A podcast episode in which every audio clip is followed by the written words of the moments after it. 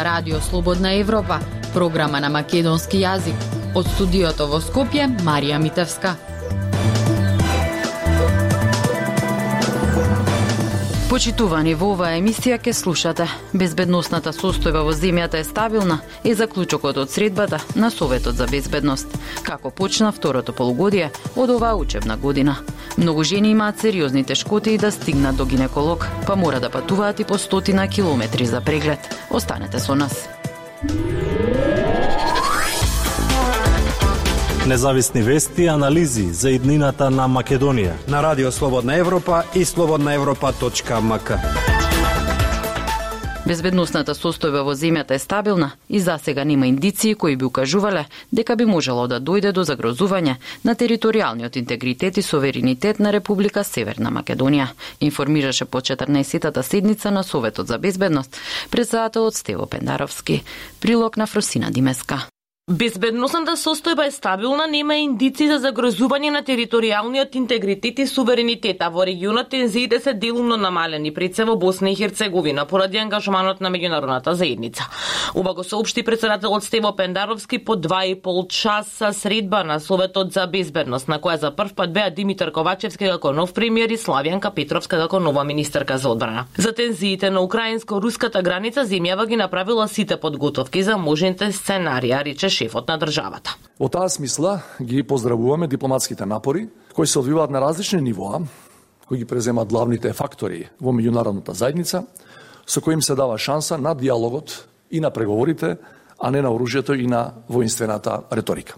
Тој појасни дека Алијансата нема донесена одлука, ниту па како што нагласи ке донесе за борбен учество во Украина. Поради тоа што со Вашингтонскиот договор само за земја членка важи членот 5, според кој ако еден е нападнат, реагира цела Алијанса. На состанокот присуствува и редовните членови на Советот, односно председателот на Собранието Тала Джафери, министерот за внатрешни работи Улибер Спасовски, министерот за надворешни работи Буер Османи и надворешните членови професорите Нинат Марковиќ, Ветон Тифи и Трајан Гоцевски. Ова беше 14-та седница на Советот за безбедност од како председател е Пендаровски, на која не се разговарало воопшто за односите со Бугарија, поради кои се блокирани македонските европски интеграции.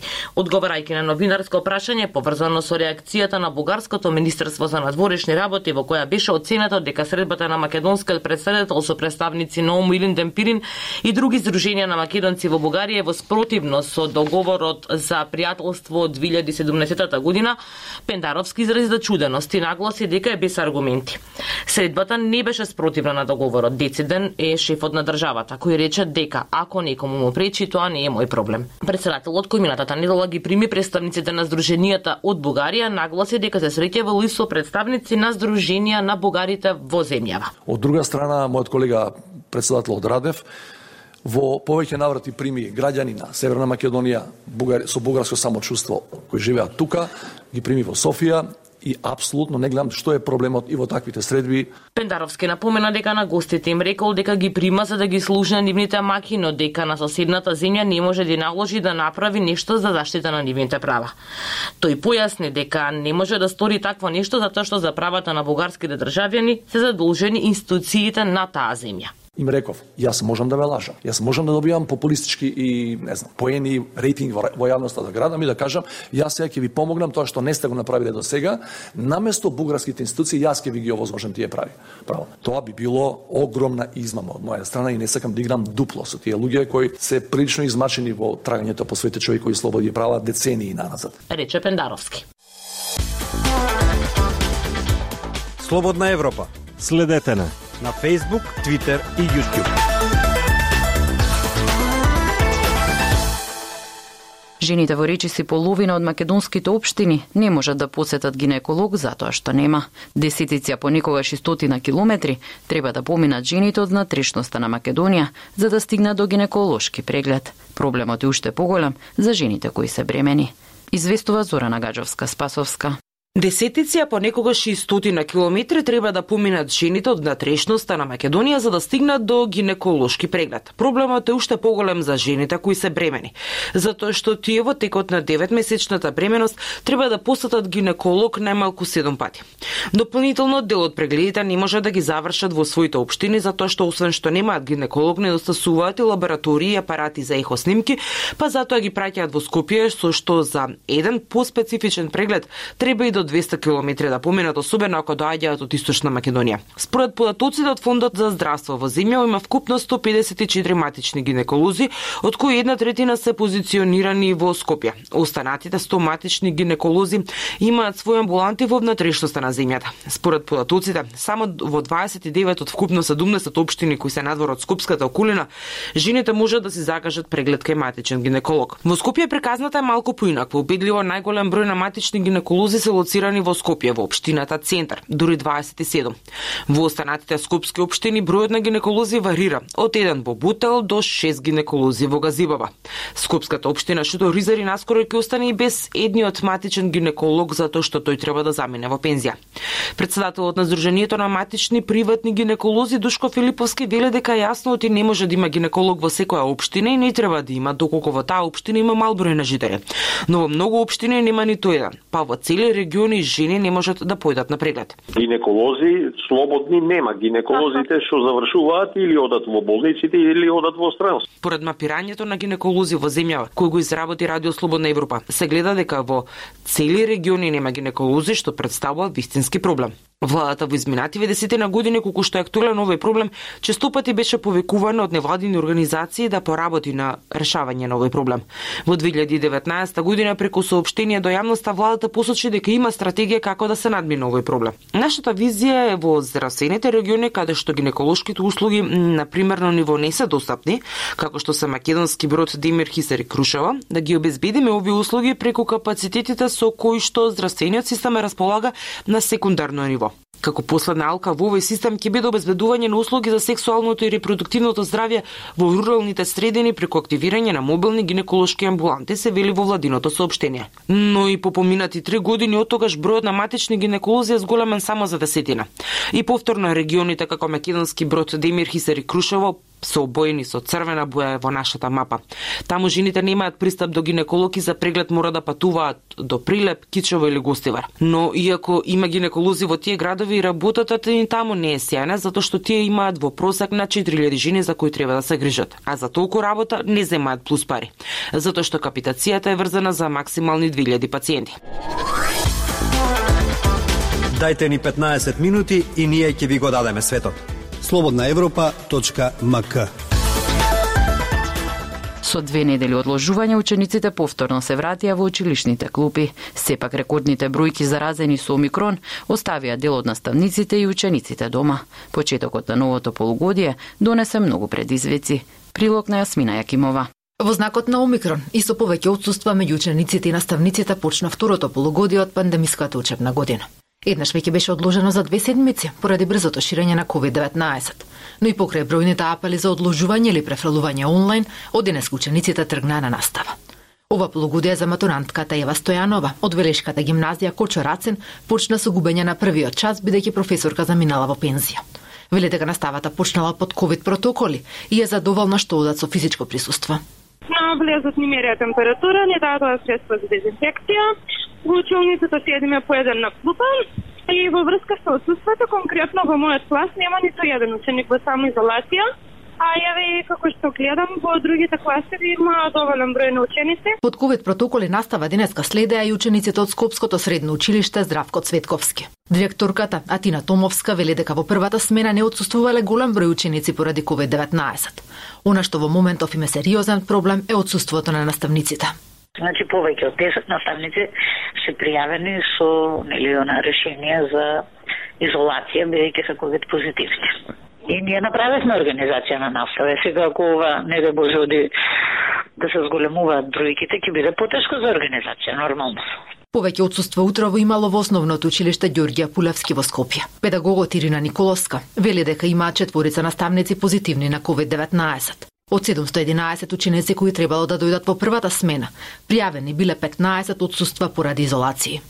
Имаме до сега пријавено само 20 ученици кои се позитивни на, на COVID и поради тоа следат настава на далечина. И во моментов имаме 34 ученика кои следат настава на, на далечина.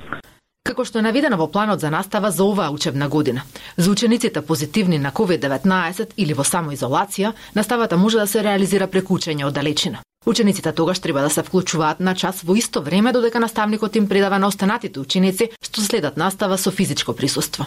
Како што информираат од Министерството за образование и наука, и ова полугодие ќе им се дозволи на учениците да следат настава онлайн, доколку тоа е побарано од медицински или други причини со дозвола на училиштето. Доколку ова право пак му е ускратено на некој ученик, подсетуваат дека родителите може да достават представка до државниот просветен инспекторат. Доколку дојде до влошување на епидемиолошката состојба, во игра се уште две сценарија: преминување на целосно онлайн настава или примена на комбиниран модел. Ова може да се случи ако такви насоки даде Комисијата за заразни болести, и доколку такви заклучоци произлезат од скринингот, кој ќе го спроведува Министерството за здравство на ученици одбрани по случајен избор. Од СОНК предходно побараа да се приспита одлуката за физичко присуство и да се започне со онлайн настава барем во првите две недели, поради пикот новозаразени. Истото барање беше упатено и од првата детска амбасада во светот Меѓаше. Култура и уметност на Радио Слободна Европа. Джоломарите насловена двојазичната монографија на авторите Сашко Илов, Цветанка Темкова Илова и Гоце Давидов. Во неа фокусот е ставен на традиционалниот пагански ритуал, што за Василица се одржува во селото Бегниште Кавадаречко. Прилог на Лјупчо Јолевски. Водени од заедничката љубов кон културното наследство и одличната врска со настанот, ликовните уметници и пријатели Сашко Илов, Цветанка Темкова Илова и Гоце Давидов се решили да го сторат она што пред нив никој не го направил. Да подпишат книга која по прв пат ќе го извади на виделина целокупниот настан. Тој традиционален пагански ритуал што секоја Василица се одржува во селото Бегниште, Кавадаречко. Од таму, како што ќе биде забележано, Джоломарите, како двојазична монографија на македонски и англиски јазик што се појави неодамна во издание на Арс Либрис, дел од Арс Ламина публикација од Скопје, е фото приказна за овој пагански ритуал. Неслучајно во воведот на ова објава ќе биде забележано дека прекрасните фотографии кои ги прикажуваат бегнишките ѓоломари всушност ги носат читателите во средиштата на настанот. Дека се чувствува ѓоломарската атмосфера, но најмногу од сеги канат посетителите да го доживеат поредокот на светскиот хаос кој настанува заради крајот на годината, помрачувањето на светот и на умот, времето на смртта на старата година и во воспоставувањето на космосот, на поредокот и реѓањето на новата година, создавањето на новата светлина од искрите на коледарскиот оган и победата над смртта, како што ќе биде напишано. Решивме тоа да го представиме на начин на кој најдобро знаеме, а тоа е фотографија. И така да, таа празнина не може да се надополни со една книга, да почне да се надополнува празнината, но ние да го зафатиме оној дел кој ние најдобро го знаеме, а тоа е фотографијата и затоа всушност се решивме да направиме еден фотографски документ за настава. Ке рече Илов на онлайн промоцијата на оваа книга со фотографии. Авторот и со констатација дека традицијата на джоломарите е важен дел за македонското,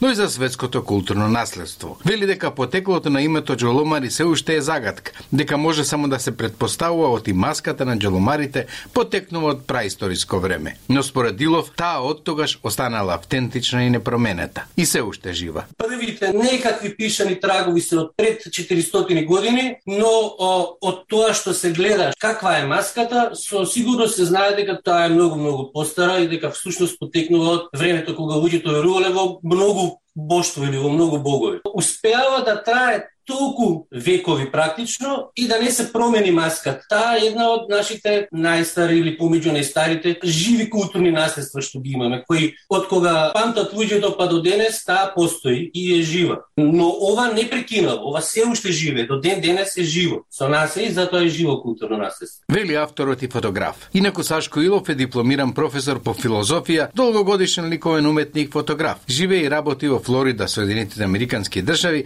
каде што е редовен учесник на тамошните фотоизложби. Неговата сопруга, Цветанка Темкова Илова Цеци, е дипломирана ликовна уметница и реставратор со долгогодишно искуство како уметник, фотограф, но и реставратор на повеќе археолошки локалитети. И конечно, Гоце Давидов е академски вајар кој предава вајарство во Рига, Летонија.